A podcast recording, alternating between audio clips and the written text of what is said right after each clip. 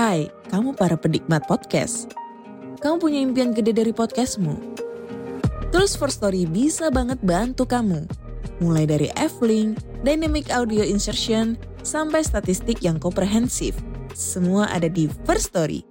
Gak ketinggalan kamu bisa monetisasi podcastmu lewat iklan dari First Story Ads yang bisa kasih kamu penghasilan dari setiap place podcastmu. Yuk gabung sekarang dengan klik di firststory.me. Sekali lagi, klik di firststory.me. Mari kita bawa mimpi podcastingmu menjadi kenyataan.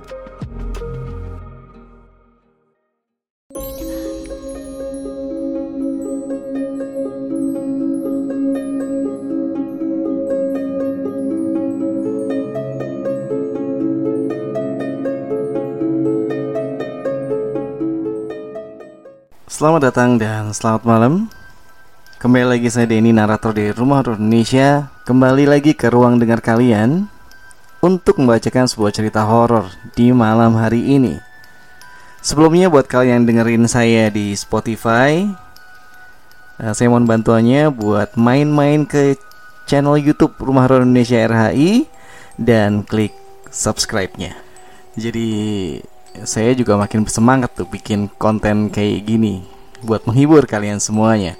Oke, udah cukup buat basa-basinya. Malam hari ini saya akan membacakan sebuah cerita horor dengan judul Rumah Hantu Pondok Indah.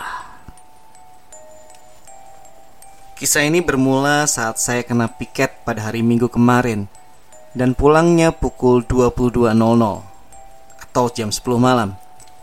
Sebelum pulang, saya mengantarkan pacar saya ke daerah Bintaro dan kembali lagi pulang naik taksi lewat jalur Pondok Indah. Sekitar pukul 23.00, taksi itu mogok di depan sebuah rumah mewah. Tiba-tiba saja, ada seorang bapak yang keluar dari rumah itu menghampiri sopir taksi.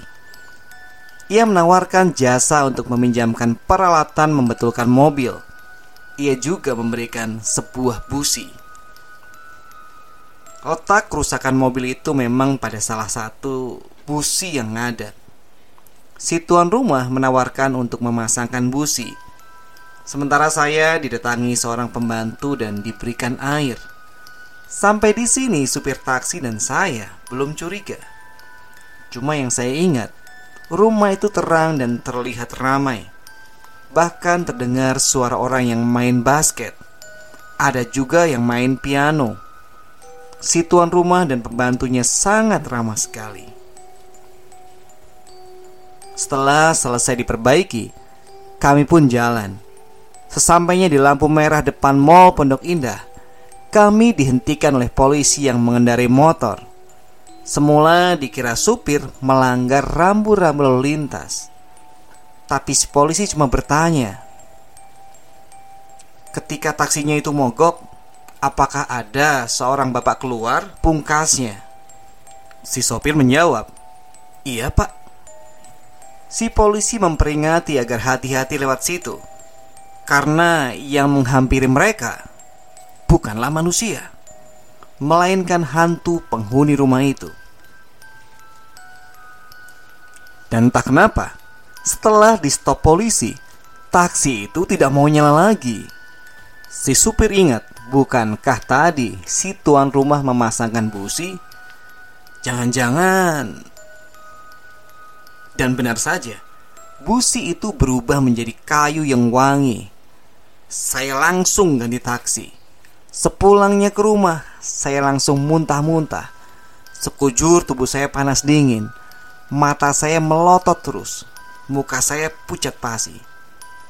Setelah dipanggil Ustadz, saya mulai sadar dan akhirnya bisa bercerita. Air yang saya minum keluar begitu saja.